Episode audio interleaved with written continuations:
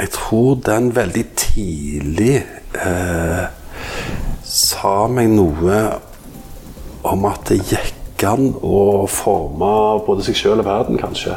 21.-24. oktober er det igjen klart for økonomifestivalen Kokonomics, arrangert av KK Kverulantkatedralen. Vi ba festivalsjef Jan Inger Eilstad plukke ut tre bøker som har betydd mye for han opp gjennom livet.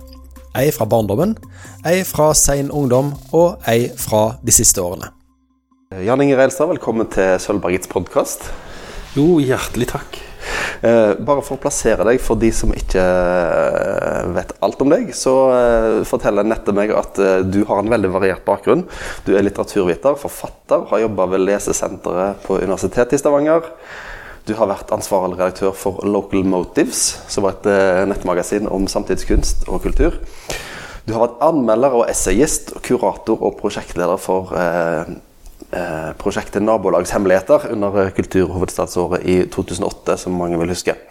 Men eh, jeg går ut fra at eh, i dag ikke er dette du tenker på når du sykler til jobb, men eh, at det snart nærmer seg eh, Kokonomics. Du er jo daglig leder for eh, Kverulantkatedralen KK, og Kokonomics går av stabelen 21. til 24. oktober. Eh, og, og som alle som skal arrangere et eller annet i 2020, så må jeg jo begynne med å spørre om eh, hvordan det går i forhold til koronaen. Eh, nei, eh, det er klart det, det har vært et veldig spesielt år, eh, uten tvil. Og vi har, vært, vi har vært i tvil veldig lenge eh, på om vi skulle kjøre en festivalvariant så nærme originalen som mulig. Men vi, vi endte opp med det. Vi bestemte oss vel i, i midten av august for at nei, vi er nødt til å kjøre på. Vi følte egentlig en større forpliktelse enn noe annet år. Eh, det er jo en økonomifestival. Eh, koronakrisen eh, har jo enorm betydning for eh, økonomien òg. Og dermed så ble det til at vi valgte den vrien. Og så er det jo en utvikling sånn på eh, sensommeren og utover høsten her som, eh, som er litt annerledes enn vi hadde på. Eh, vår store frykt nå Vi har jo allerede sagt av de internasjonale, eller de tar vi inn med på skjerm, eller vi har lagd en del portretter sammen med internasjonale samarbeidspartnere. Men eh, vår store frykt nå er jo at det blir eh, formelle restriksjoner på innreise og utreise skulle jeg si Oslo. da kan vi bare legge ned. Ja, hvis, hvis, Så det er mye nasjonale aktører da, kan du si. ja, sant? Og hvis linken til Oslo ryker, så eh, naturlig nok mange gjestene ikke kan, eh, kan komme. Det er det. Og vi har vel òg merka allerede at eh, noen rett og slett eh, velger ikke å komme, selv om de kan. Av hensyn til seg sjøl og andre. Og det er jo òg en festival som håper å treffe næringslivet til dels. Og der merker vi jo at veldig mange av de store aktørene de har jo rett og slett reiseforbud. Rett og slett. Så det, det kommer jo ikke folk fra enkelte av de større selskapene til med våre egne samarbeidspartnere her lokalt. De får kun lov å være med på webinarer. Ja. Hvor mye har dere måttet, måtte kaste om på tematikken, i og med at koronaen har på en måte tatt så fullstendig over eh, samfunnsdebatten siden mars? Jo, vi har kasta om på programmet uten tvil. Eh, på veldig mange måter òg. men vi har beholdt en del av eh, de tankene vi hadde opprinnelig. Sånn at fortsatt er det et, eh, et fokus f.eks. på by og land, som vi ville ta opp i all sin bredde og dybde.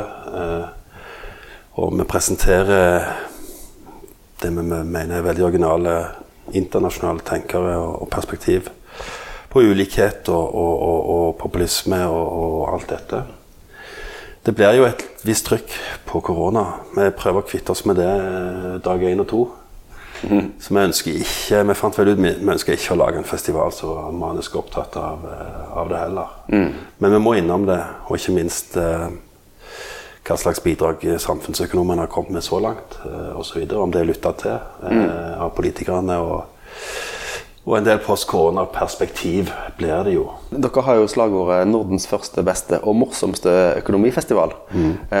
da tenkte jo jeg umiddelbart hvordan gjør du økonomi morsomt? Ja. For det er jo et tema jeg og jeg tror mange med meg har et litt sånn angstfylt forhold til. Ja. Men det var jo det som var utgangspunktet vårt, det siste der, som du sier, at veldig mange har jo en viss terskel til økonomi. Sant? Altså de både tror det er vanskelig og innfløkt og osv. Og, og de er litt redd for å få vite for mye om det òg, for da vil de kunne se hvor dårlig økonomi de sjøl har. Ikke minst. økonomisk liv de fører. um, så det var litt av utgangspunktet. Um, men det handla på en måte om å Jeg vet ikke om jeg visste det helt godt underveis, men det handla om å ta det ut i byen, da. Uh, og gjøre det på scener uh, utenfor høy terskel, uh, rett og slett. Og det har vært en eh, Altså, vi har jo òg sagt til våre foredragsholdere, om de da kommer fra akademia eller politikken eller hvor det måtte være, eh, næringslivet, at, at de, de, de har eh, ikke lov å komme i sin formelle habitus. skulle jeg si. De er, de er nødt til å ta av slipset og komme og være uformelle, og de er nødt til å snakke så folk forstår dem. Det er jo ikke alle som gjør det for det, eh, men vi, advarer dem om at de får ikke komme tilbake da, hvis, hvis, hvis de ikke klarer det. Sant? Ja, ja, ja. Så de, de, de, det er mange som eh, etterstreber det på forbilledlig vis, altså.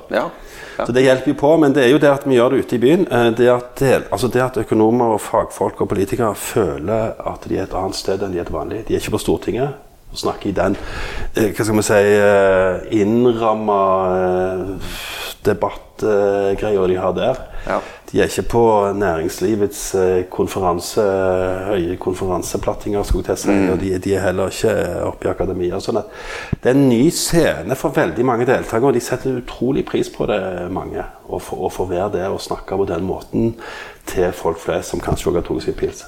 Ja. Ja. Og når en skal snakke for folk som har ganske lite forutsetninger om det, sånn som meg og økonomi, så blir en kanskje tvunget til å se på sitt eget stoffområde fra eh, en annen vinkel òg. Akkurat som du skal forklare fotball til noen som aldri har eh, sett en fotballbane før. Så, Og det er også, der er du inne på noe annet som er viktig, for vi prøver jo da å sette sammen panel òg, sånn at eh, vi unngår den Vi setter jo aldri opp et rent politisk panel, unntatt når vi sier vi har politiske debatter. Sånn, for da får du den innramma eh, logikken i debatten, samtalen, som du ser på TV eller osv. Det, Ja. der partisynspunktene eh, møtes, og der de som er på scenen, ikke lever. Er nødt til å forholde seg til et annet språk. Så vi putter gjerne på eh, altså Det er jo økonomer i banen, og så er det politikere, så er det psykologer og antropologer, andre fagfelt da, inn i en debatt, samtale. Det er ofte veldig fint, for da må de forholde seg til helt andre måter å tenke på, se på, snakke på og gjøre seg forstått til folk som de ellers ikke pleier å gjøre seg forstått til. ja? For, for mange debatter er, er jo prega av at uh, deltakerne kommer med på en måte et manus som de bare skal framføre. Altså Sånn som i dag, når legges, i dag legges statsbudsjettet fram. Så, så vet du omtrent hva politikerne i opposisjonen kommer til å si. Mens eh, hvis en møter annen type motstand enn vanlig, så må en Det er jo interessant eh, med statsbudsjettet i dag. Det er jo et statsbudsjett eh, under en krise. eh, Og det er vel det første frampeket mot hva denne krisen kommer til å bety eh, økonomisk. Så det, er- det er interessant. Og, og kommunebudsjettet, eller Stavangers budsjett, legges faktisk fram midt under festivalen. Altså vi gjør jo en debatt på den Ja, da. ja nettopp. Så det tror jeg kan bli heftige saker. Vi må gå litt videre. Du er gjest i denne podkasten eh, fordi du er førstemann ut i en serie hvor vi skal be folk rett og slett om å koke livet sitt ned til tre bøker. Og med den bakgrunnen din, som jeg nevnte innledningsvis, så er jeg jo helt klar over at det er en eh, umulig og litt eh, slem oppgave. Å be en litteraturens mann koke eh, livet ditt ned til tre bøker som har betydd mye for deg. Ei fra oppveksten, ei fra tidlig voksenliv og ei fra de siste årene. Skal vi bare begynne med ei bok fra når du var liten? Ja, men det var jo helt umulig. Ja, så klart.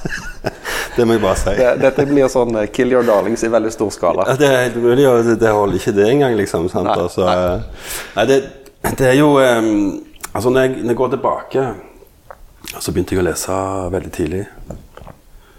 Det, det er litt rart. Jeg vokste jo opp i et ikke-akademisk hjem, det var ikke noen bøker osv., men eh, det kom veldig tidlig.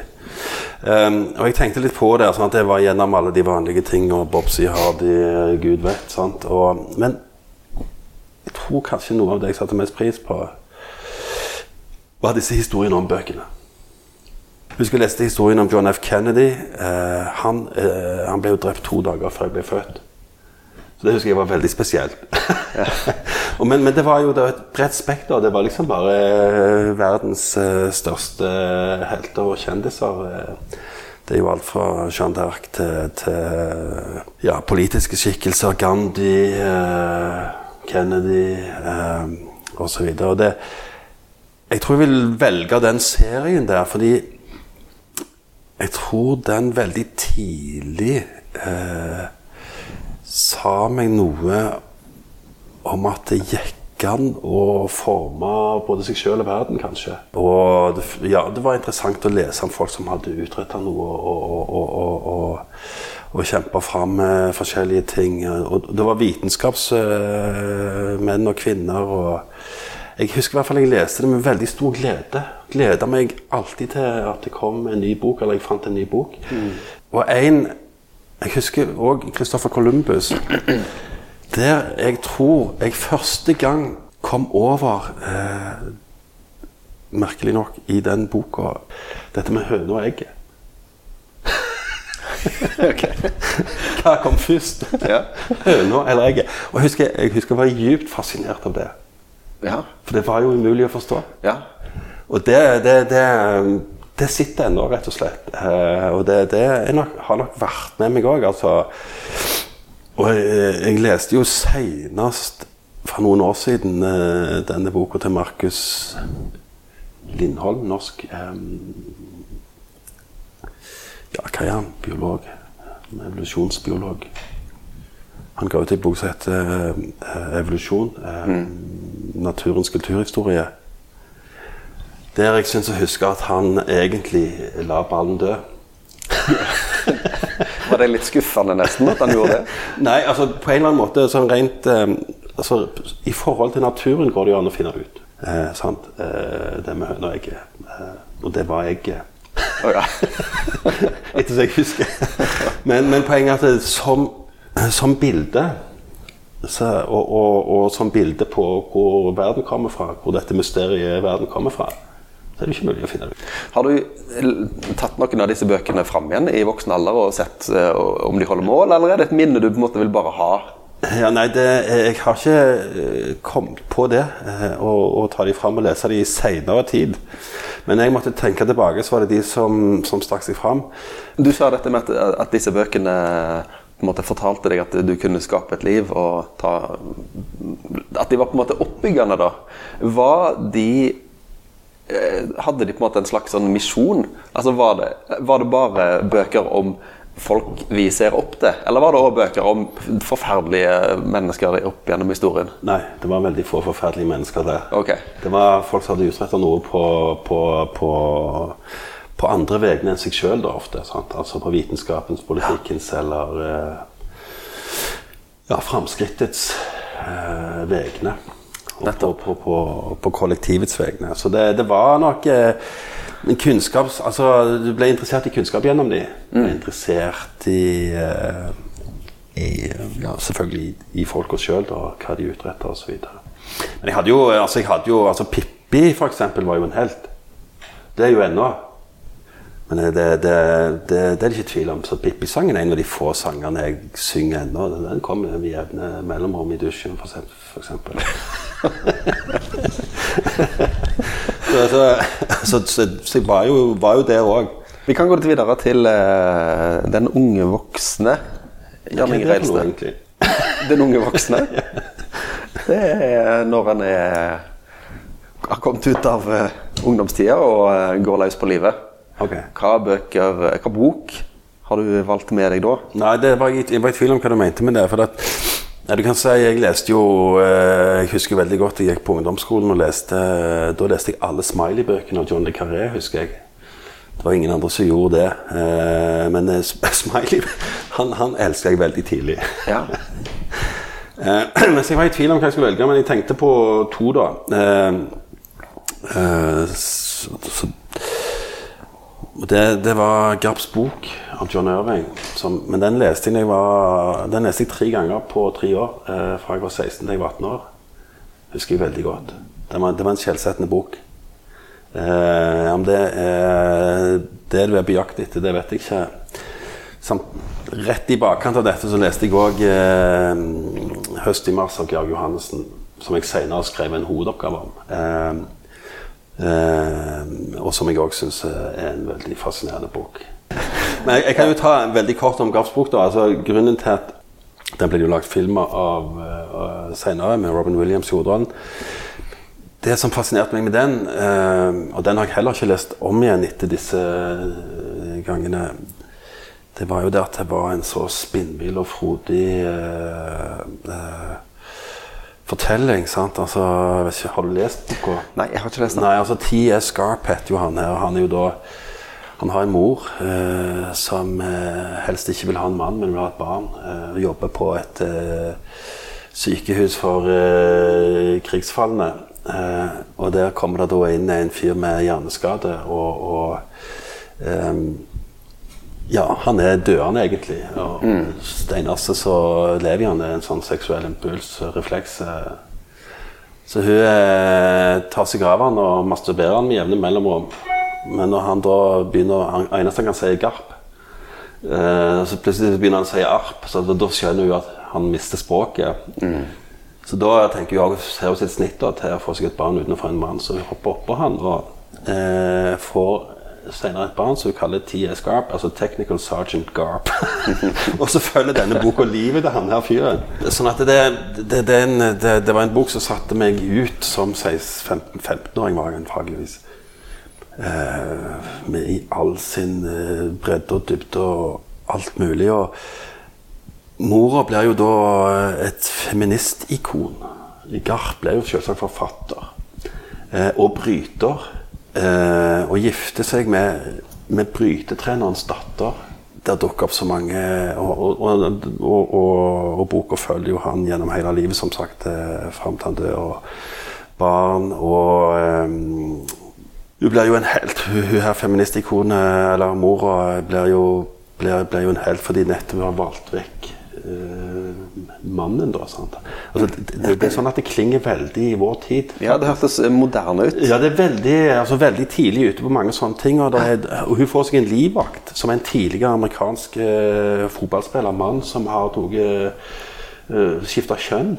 Og blir hennes liksom bodyguard. Og det er jo sånn Bruce Jenner. Sant? Det er jo, det er jo ja. fortellingen om Bruce Jenner. Ja. Og, men det, det, det, det, er virkelig en sånn fortellende roman da, som, som, jeg kanskje leser litt færre av i, i, i modnere alder, det må sies. Eh, men jeg kan fortsatt anbefale den. Og det er nesten sånn at jeg er frista til, å, til å, å, å, ta den opp igjen. Altså. Og jeg er jo for å lese bøker om igjen. Eh, det må jeg bare si. Det er jo en av de få rådene en kan gi når det gjelder lesing. Hvis vi nærmer oss vår tid, da, altså 2020, de siste årene Det er vanskelig, fant jeg ut, å, å, si at ikke det er Michelle Welbeck som har eh, betydd mest, altså. Ja. Eh, det, det, det, er i hvert fall en av de få som jeg kjøper når boka kommer ut, liksom. Ja. Du har komplett Olbeck? Ja, jeg har eh, komplett Welbeck. Jeg eh, har lest alt. Jeg eh, leste fra veldig tidlig av. På en måte lenge før han slo gjennom i norsk. I begynnelsen så var han jo bare hata. Altså, det var jo bare de som fant dritt der, som uttalte seg i begynnelsen. Men ja. så har han jo etter hvert funnet sin plass. Mm.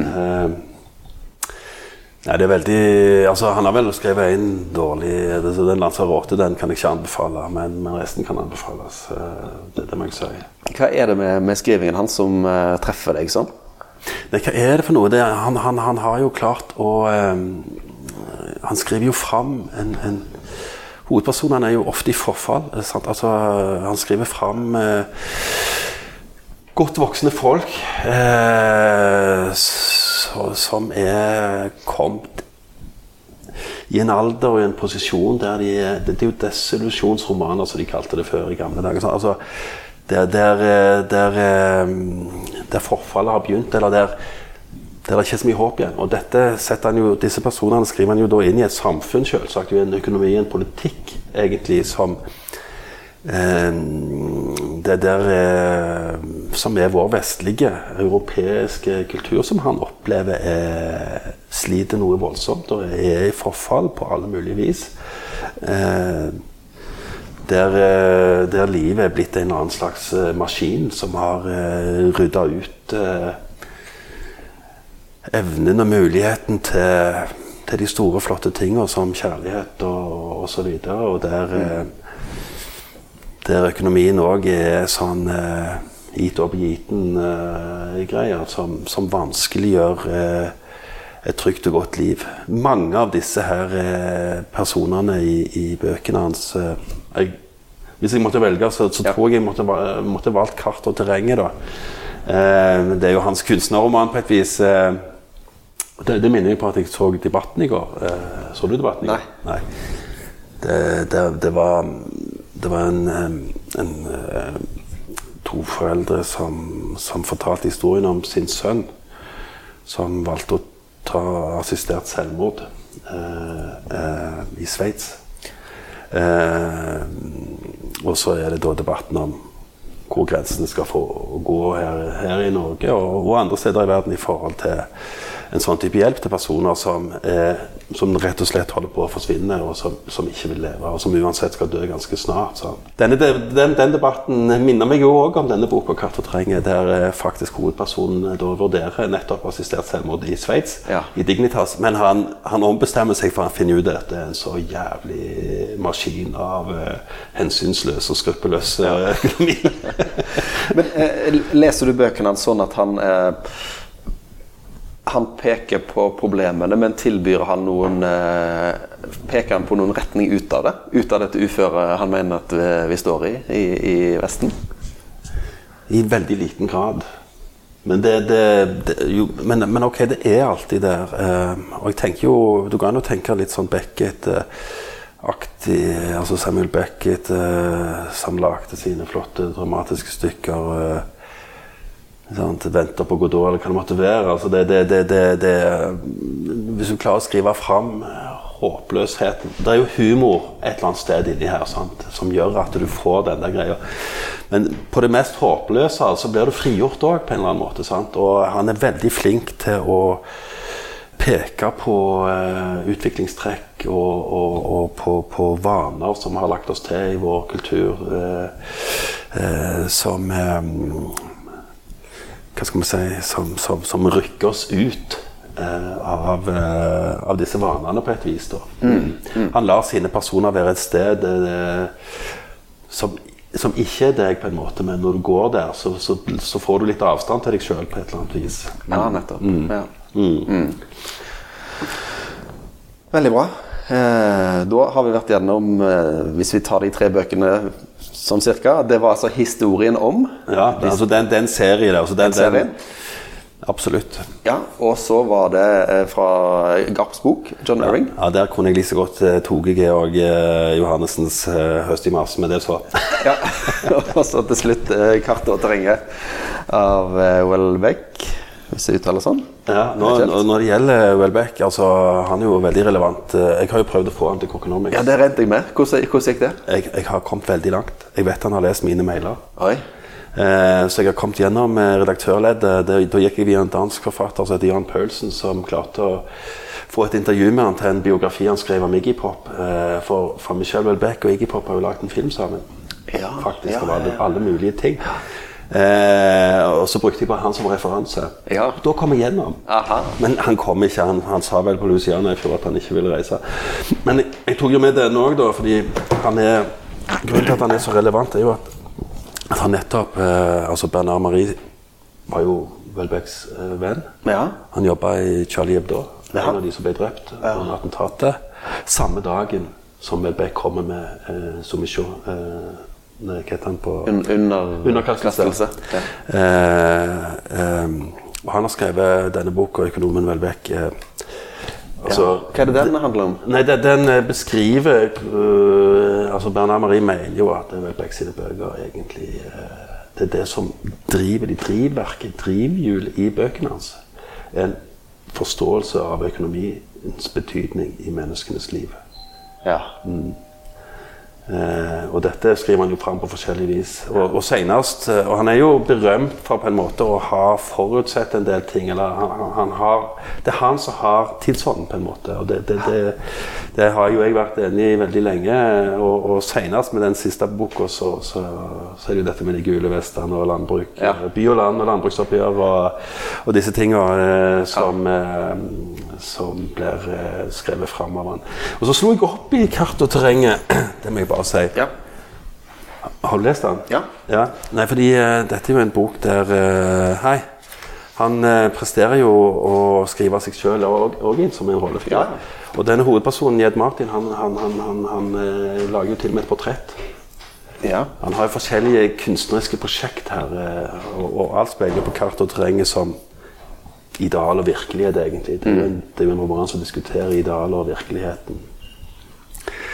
Um, um, men så slo jeg opp her på, på uh, helt tilfeldig, og der, der er Jed Martin og besøker Welbeck for første gang. For da bor romanpersonen Welbeck i Irland som, Som han gjør i dag, gjør han det? som den virkelige personen har gjort en gang. Han har flytta tilbake til, ah, ja. til Frankrike. Ja. Ehm, eh, og kommer inn der, og han får eh, en masse eh, feit mat og masse, enormt mye å drikke. av denne Welbeck, som senere blir drept i denne boka. Ja, ja. Han blir jo ikke bare drept og myrda, men han blir på, på ganske bestialsk vis. Han blir partert i enormt små deler og lagt ut i et mønster. Ja. og så videre. Men jeg slo opp, og så, så forteller denne romanpersonen uh, Welbeck til eh, Jed Martin, som er på besøk, for å lage dette portrettet. Om, for Jed, Martin går jo rundt og ser i huset hans. Og der ser han at det er faen ikke ingen romaner her. Det er liksom bare Marx Bordeaux og Comte. Eh, altså det er bare filosofer og, og, og, eh, og økonomer, da. Ja. Og Tocqueville. Eh, eh, som han da, som Welbeck, romanpersonen Welbeck eh, siterer. Altså om demokrati i Amerika. ja. Han er jo berømt for han skildre det tidlig på 1800-tallet. Ja, sant? det er en fantastisk ja. viktig og bra bok. altså, Ja. som forteller litt om demokratiet sine utfordringer osv. Mm. Men her skal du høre, det, det, det syns jeg bare var ja. så fint når han eh, siterte da Tocqueville Fredrik Martin. Ehm, jeg tror ikke jeg har møtt i den verden av ærgjerrige egoister som jeg har ferdes i, et menneske som har mindre tanke for den offentlige velferd enn ham. Jeg har sett en rekke mennesker skape uro i hele landet for å bli store selv. Det er en allment utbredt perversjon. Men jeg tror han må være den eneste som tilsynelatende alltid er rede til å omstyrte hele verden bare for sin egen adspredelses skyld. Han snakker da om en, eh, en politiker sant, i den boka. Og så han fortsetter. Jeg har heller aldri kjent noe menneske som er mindre ærlig, som har en slik total forakt for sannheten. Når jeg sier at han foraktet den, er det egentlig feil, men han verdsatte den ikke. Det var ikke et emne han noensinne ville be- beskjeftige seg med. Når han snakker og skriver, går han inn og ut av sannheten uten noen som helst aktsomhet. Det eneste han er opptatt av, er hvilken virkning han kan skape i øyeblikket. Jeg tenkte herregud, det er ganske presis på det som foregår. Dette minner oss om folk vi ser på nyhetene daglig. Ja. Veldig bra. Lykke til med, med å få han til Stavanger. Jo, det ville, altså det, det ville vært helt fantastisk. Ja, altså, det, det jeg kommer ikke til å gi opp. eh, Fordi selv om han da i fjor i Louis- på Luciana sa at han ikke vil reise mer, så, så kan det skje. Og jeg tror at en av måtene å få han til å bevege seg på, er å lage nettopp det oppsettet der han får lov til å komme og snakke om eh, økonomi, kanskje. Eller, eller Ja, sant. ha, ha en annen vinkling enn på den hva skal vi si, fantastisk eh, berømte uh, Infant terrible Ja, Israel eh, Welbeck. Mm. Ja. Vi får se. ja. Eh, tusen takk Vi for kan ta et samarbeid med dere på det i tilfelle. Absolutt. Vi, jeg skal eh, gjøre klar kinosal 1. Jan Inge Elstad, tusen takk for eh, samtalen. Det var hyggelig.